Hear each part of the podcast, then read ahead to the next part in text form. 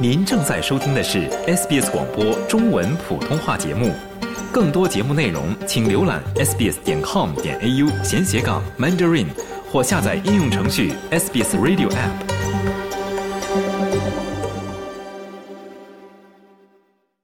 从法律角度看待社会现象，以专家意见指点生活迷津。请听现场说法。现场说法，您了解法律、咨询问题的空间。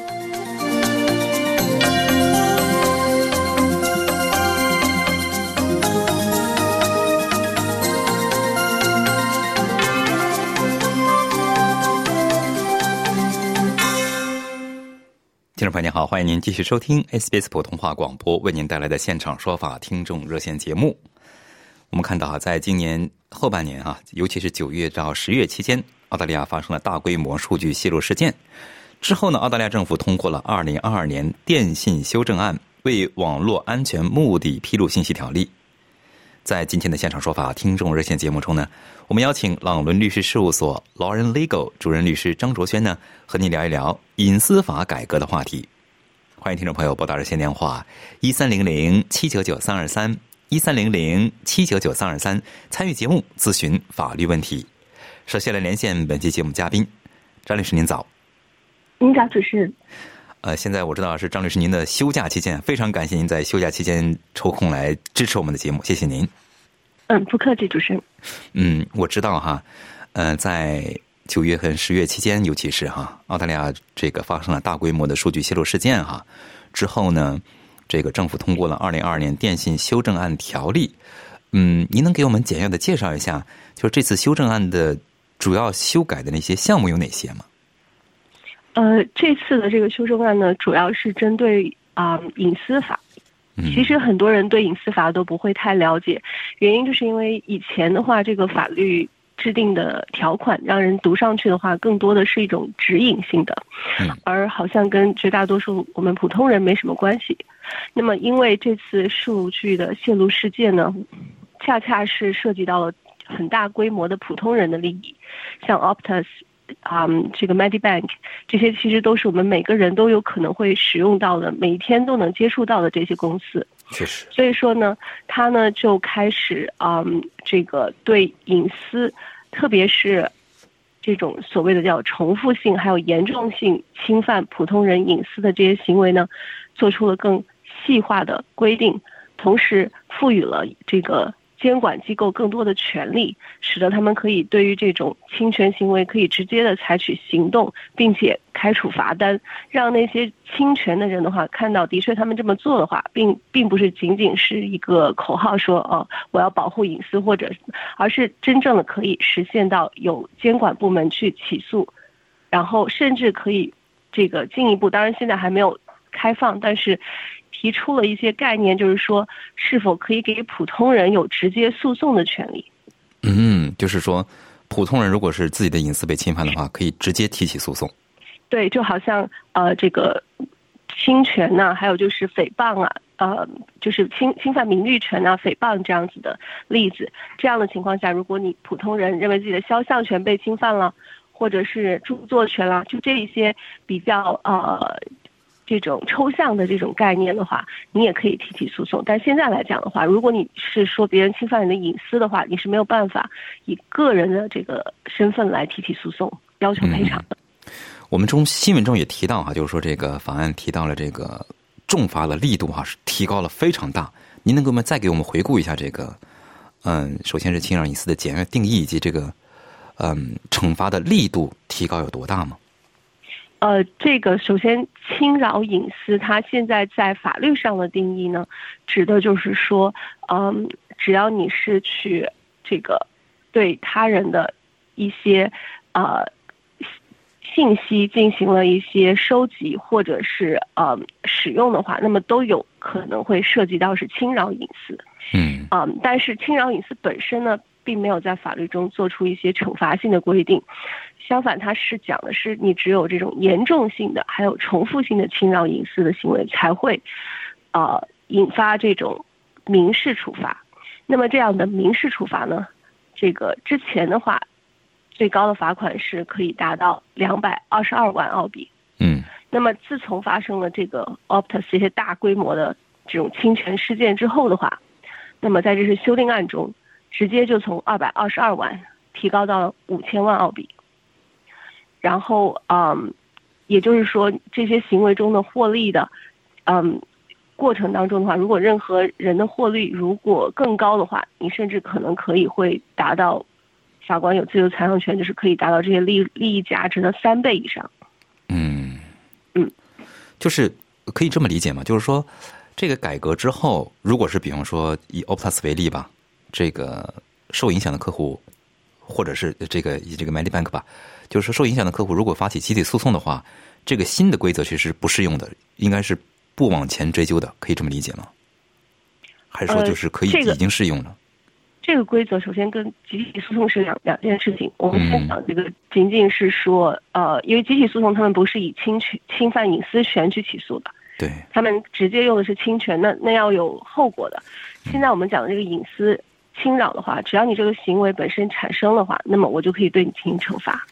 然后这个更多的是公权力对这些，呃，不不违违法的行为进行一种惩罚，然后来啊、以示警告的一种行为。嗯，就是其中您提到一个哈，就是严重或者是重复性的侵犯隐私哈，就是这个是会受到比较大的惩罚哈，有这个规定，怎么去定义这一点呢？呃，首先，这个他们出台了一个 guideline，也是一个指南，来去给这个执法部门去参考。呃，第一的话就是这个执法部门接到这个投诉，一般都是普通民众的投诉的话，就好像 Fair War 一样，他们他们就会先进行调查，调查之后呢，先去看一下影响到的总人数大概有多少。第二的话就是要看就是他们具体这些第三方非法机构获取的信息是否属于敏感信息，是否比如说是这些人的生日、姓名、住址，甚至有可能是他们的这种社工的号码，呃，这个 Centrelink 的号码、Medibank 的号码这些敏感性的信息。第三的话就是这些信息他们收集了之后，是否已经使用到了这个呃，比如金融诈骗，或者是有一些是直接打电话去，像上次我们讨论的一个刑事案件那小孩那样，拿到信息之后直接去 blackmail，直接去勒索。对，就是如果说已经这种发现了这种啊、不良后果，然后可以推测对于其他人来讲都会发生这种不良后果的话，那也是一个可以考虑的客观因素。嗯那么第四点的话，就是说，呃，是是有一些人的话，有可能还没有造成这样的损害，但是已经可能可以进行分析的话，就是下一步这些人就会由于他是一些弱势群体，紧接着他就可能会受到更大的伤害，比如说像我们看到的一些老人，对嗯这些老人，他们可能个人信息泄露之后的话，就被这些不法分子利用。嗯，可能不是直接的这种金融诈骗，而是慢慢获取信息，向他们套利或者推销产品等等这些。嗯那么这些行为全部考虑了之后的话，那么这些执法部门就可以代表公众对这些个人或者是集体发生发发起诉讼，然后对他们不但是要求他们赔偿这种受损害的人，而且还可以对他们开出这种巨额的民事罚单。就是说，如果是比方说公权机构对他们开出了这个巨额的这个民事罚单，罚了这个款之后，这个款项会回馈到或者是会赔偿给这个受影响的人，是吧？是两个部分，第一个部分它是首先把违法的部分纠正，就是对它进行补偿，它有什么损害就进行什么补偿。因为在澳洲，它跟美国有很大不一样的，澳洲基本上它不会考虑太多的叫做比如精神赔偿，就是一些可能的隐性的赔偿，但是它现在的一些呃法官他们也可能会考虑，但具体立法的意图，它不会像美国那样开比较大的这种补偿性的罚单等等，是为了。仅仅补偿这个人的精神或者可能性损失，他还是看的是更多的是直接性的损失。那么他这个罚单的目的主要还是为了惩罚那个人之后的话，这个钱是进入国库的，而不是说补偿个人的。嗯，其实能罚得到的话呢，其实也不是一件特别坏的事情啊。但是呢，现在就是因为怎么说呢？因为网络技术的发展吧，其实很多这个作恶者他不是在澳大利亚本土的，呃，新闻报道出来呢，有些呢其实都是境外的。嗯，就是我们澳大利亚的这种隐私法，就改革之后或者改革之前，对境外的这种侵犯隐私的行为或者是犯罪行为有约束力吗？呃，在改革之前的话是没有定义的这么清晰的，嗯，然后这就导致了像您刚刚说的很多问题。其实对于我们进行澳大利亚本土进行侵害的这些绝大多数的这种网络组织的话，现在看到都是在国外。然后所以说呢，呃，在这个法令没有出来之前的话，我们看到的话就是正在进行的一些啊，澳大利亚的法院的法官的话，其实已经引言就是。学习了欧洲那边的规法律规定的一些借鉴吧，因为我们作为判例法国家是可以引用国就是同类的英美法系的国家的判例来作为呃我们国家的一个这种法律的指南的。那么像这个最近最近的一个就是关于对这个有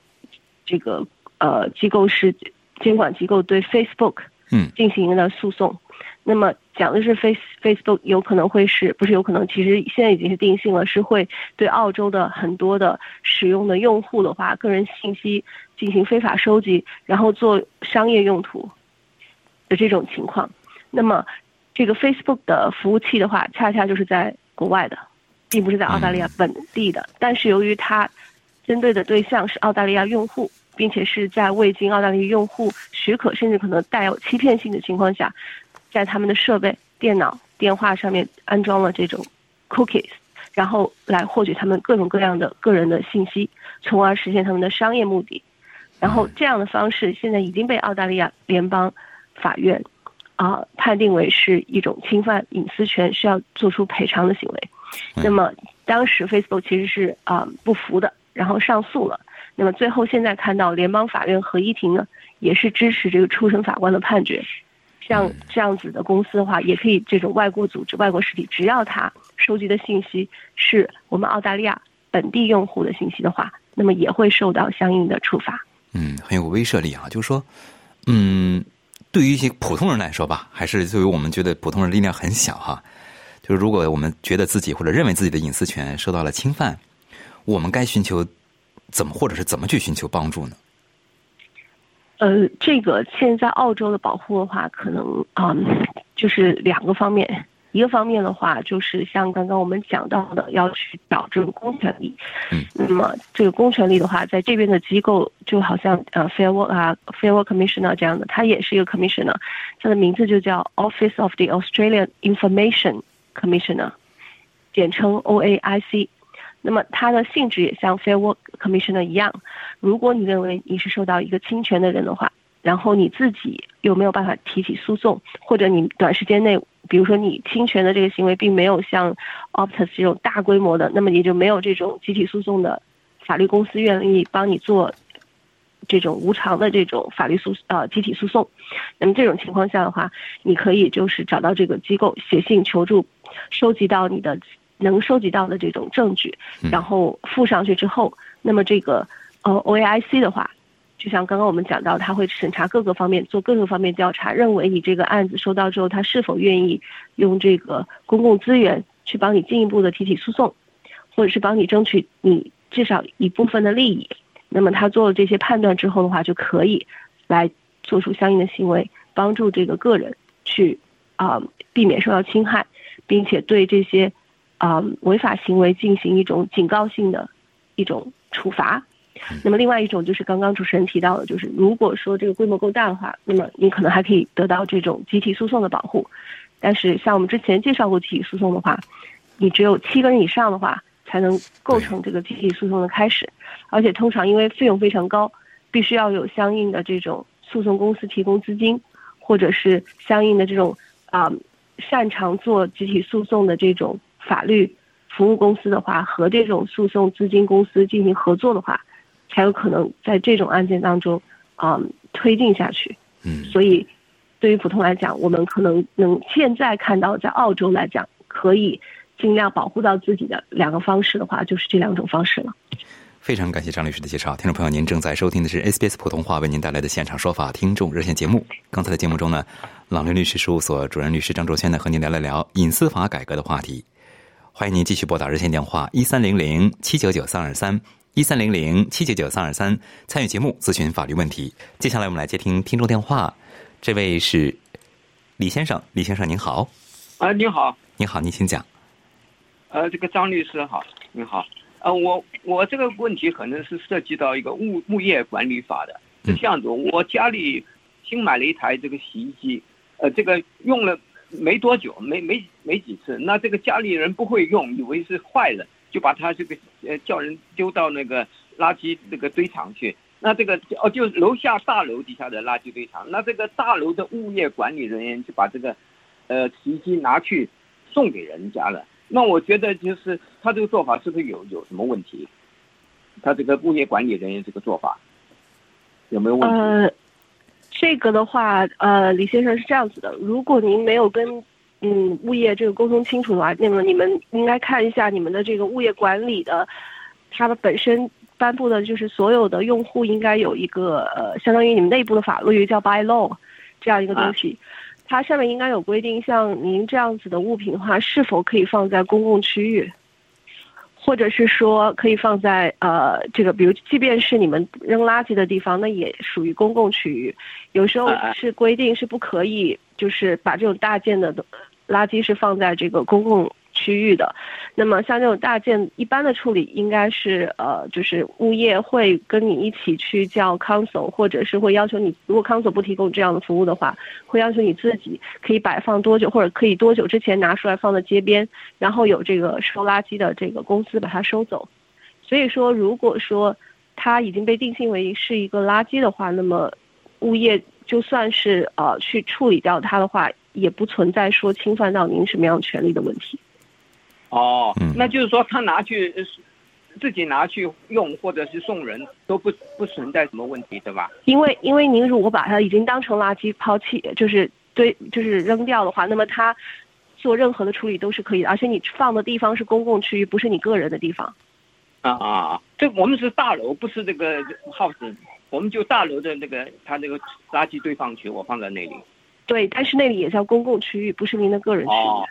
好的好的。那我明白，好，好，好嘞，谢谢，好，谢谢李先生的咨询，祝您顺利。好，听众朋友，欢迎您继续拨打热线电话一三零零七九九三二三一三零零七九九三二三来向做客今天现场说法听众热线节目的张志轩律师呢现场咨询法律问题。接下来接听下面一位听众，这位是张先生，张先生您好，呃，是我吗？是您，您请讲。哎，这主持人好，嘉宾好，你好，呃，我的问题是。呃，最近我收到一份交通罚款单，是交通警察开出来的。我看了上的上面的金额，我查了一下，呃，新州的交通法规的罚款呃金额有不同。嗯，您的罚单多少钱？我他交通警察罚出来的是三百多。但是我从新州这个交通，呃法规的金额啊，除了，呃单呃这个例呃这个规定上面，呃呃例子的上面是两百多，所以我有一点搞不清，因为交通警察开出的单子跟这个交通法规的这个单子为什么有点有点差别？呃。张先生，如果您对这个有异议的话，您应该是可以根据他提供的就是罚单的信息写信回回去 dispute，也就是要求他重新做 review 啊，就是让他重新去啊考虑他给你开出的罚单是否正确的这个问题，然后呃就是写回去之后，他应该可以去考虑，或者如果说嗯你可以。不交罚单之后，他应该会有一个通知告诉你说，你可以去法院提出异议，就是你可以选择任何的方式，把你这种认为他这个法律处理的方式不对的提出异议。我们建议你是这样做，会能够解答你这样的一个问题。啊，单子上面有有不同的，你可以提过的。我就是想问一下，在新州这种交通警车开单子，他是随心所欲的，还是？当然不是，当然不是。就像刚刚讲的，就是如果你查到你认为你的行为处罚的这个金额是不正确的话，你是可以提出异议的。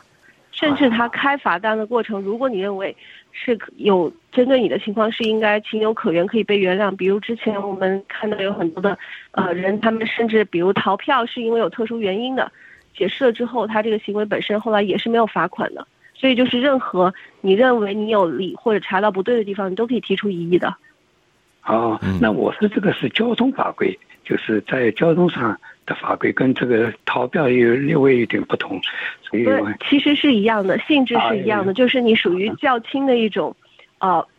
违法行为。所以对于这种过程当中，你任何提出啊有疑义执法的人对你的一些行为，你认为是有疑义的，你都可以提出来。那么，一般现在这种情况如果发生了，我当时可以说嘛，因为我们碰到这种情况也不大因为你要明白，警察他不是立法部门，他是呃，他不是立法部门，也不是法院司法部门，他是一个执法部门。也就是说，我是执行法律的，所以，呃，你跟一个执行法律人说你做错的话，人家可以不理睬你，但是他的监管部门相应制约他的立法司法部门是可以对他的行为进进行做出的纠正，或者是认为有问题的。您当时当然可以跟法这个对不起，跟这个警察去争执，或者是提出异议。但是，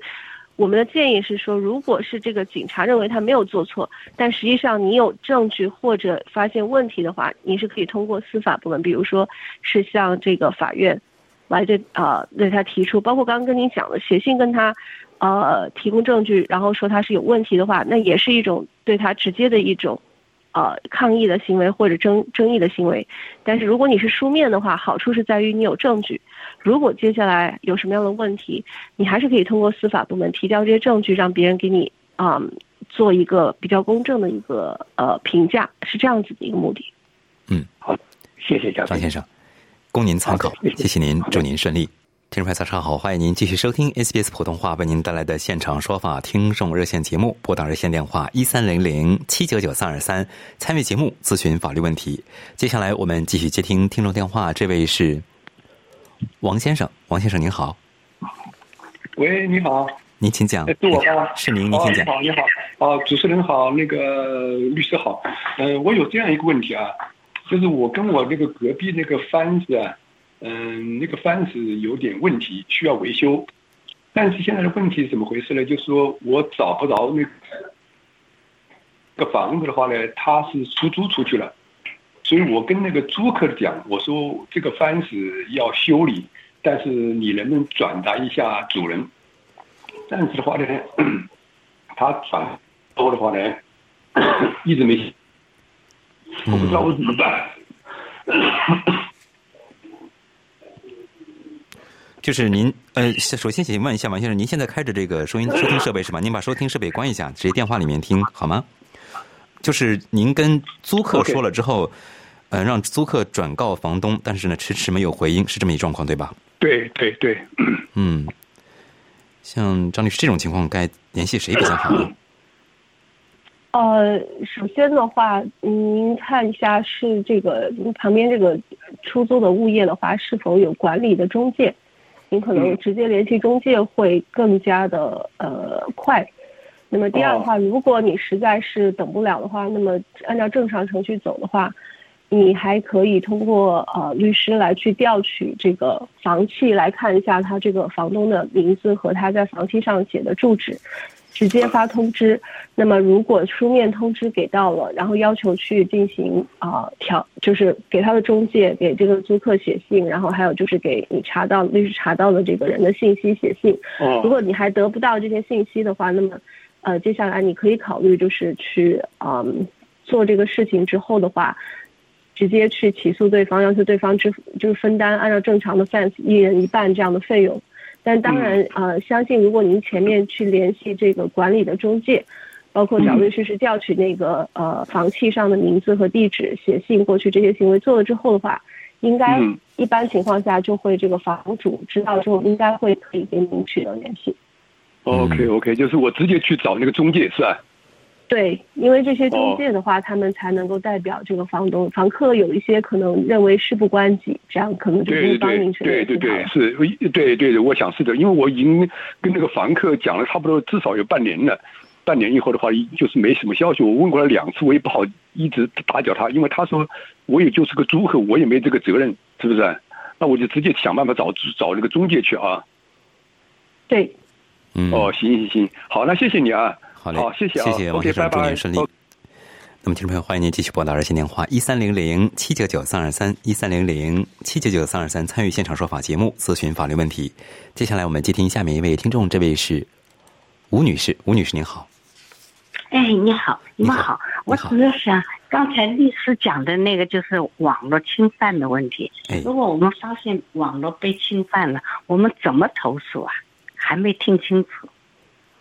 呃，就是您可以记一下这个这个公呃这个机构的名字，它叫 O A I C，O A I C。对，它是一个缩，写。它就有，对，它是一个这边的执法部门，叫 Office of the Australian Information Commissioner，相当于是澳洲信息嗯委员会。哦那么啊你是可以，R 的全称是什么？R C。哦，Office。哦哦，对 Office Office Office of the Australian Information Commissioner。对。然后他们其实也有电话啊，他们这个电话是一三零零三六三九九二，三六三九九二。对，就是一三零零三六三九九二。嗯。嗯，你可以尝试一下。OK。引 O 起 R C 就是它它的全称，再说一遍，对不起。O A I C 哎，O O A Office 对 O A 就是 O 是 Office，A 啊就是 Australian，I 就是啊 Information，C 就是哦 Commissioner。，information，哦，这个 I OK，I 嗯 information，C 呢好嘞，谢谢您，祝您顺利。？OK，谢谢。接下来我们接听下面一位听众电话，这位是 Frank，Frank 您好，哎，大家好，哎你好张律师好。我今天请教的是商标问题。以前啊，这个在澳洲这边有一个产品，然后呢，我们把它买到国内去制造，啊，我们连那个模具还有商标一起呃买到国内，然后又回销到澳大利亚来。以前都是澳洲人在代理，后来有一个朋友的小孩说他要代理我们产品，我们就给他总代理。然后呢，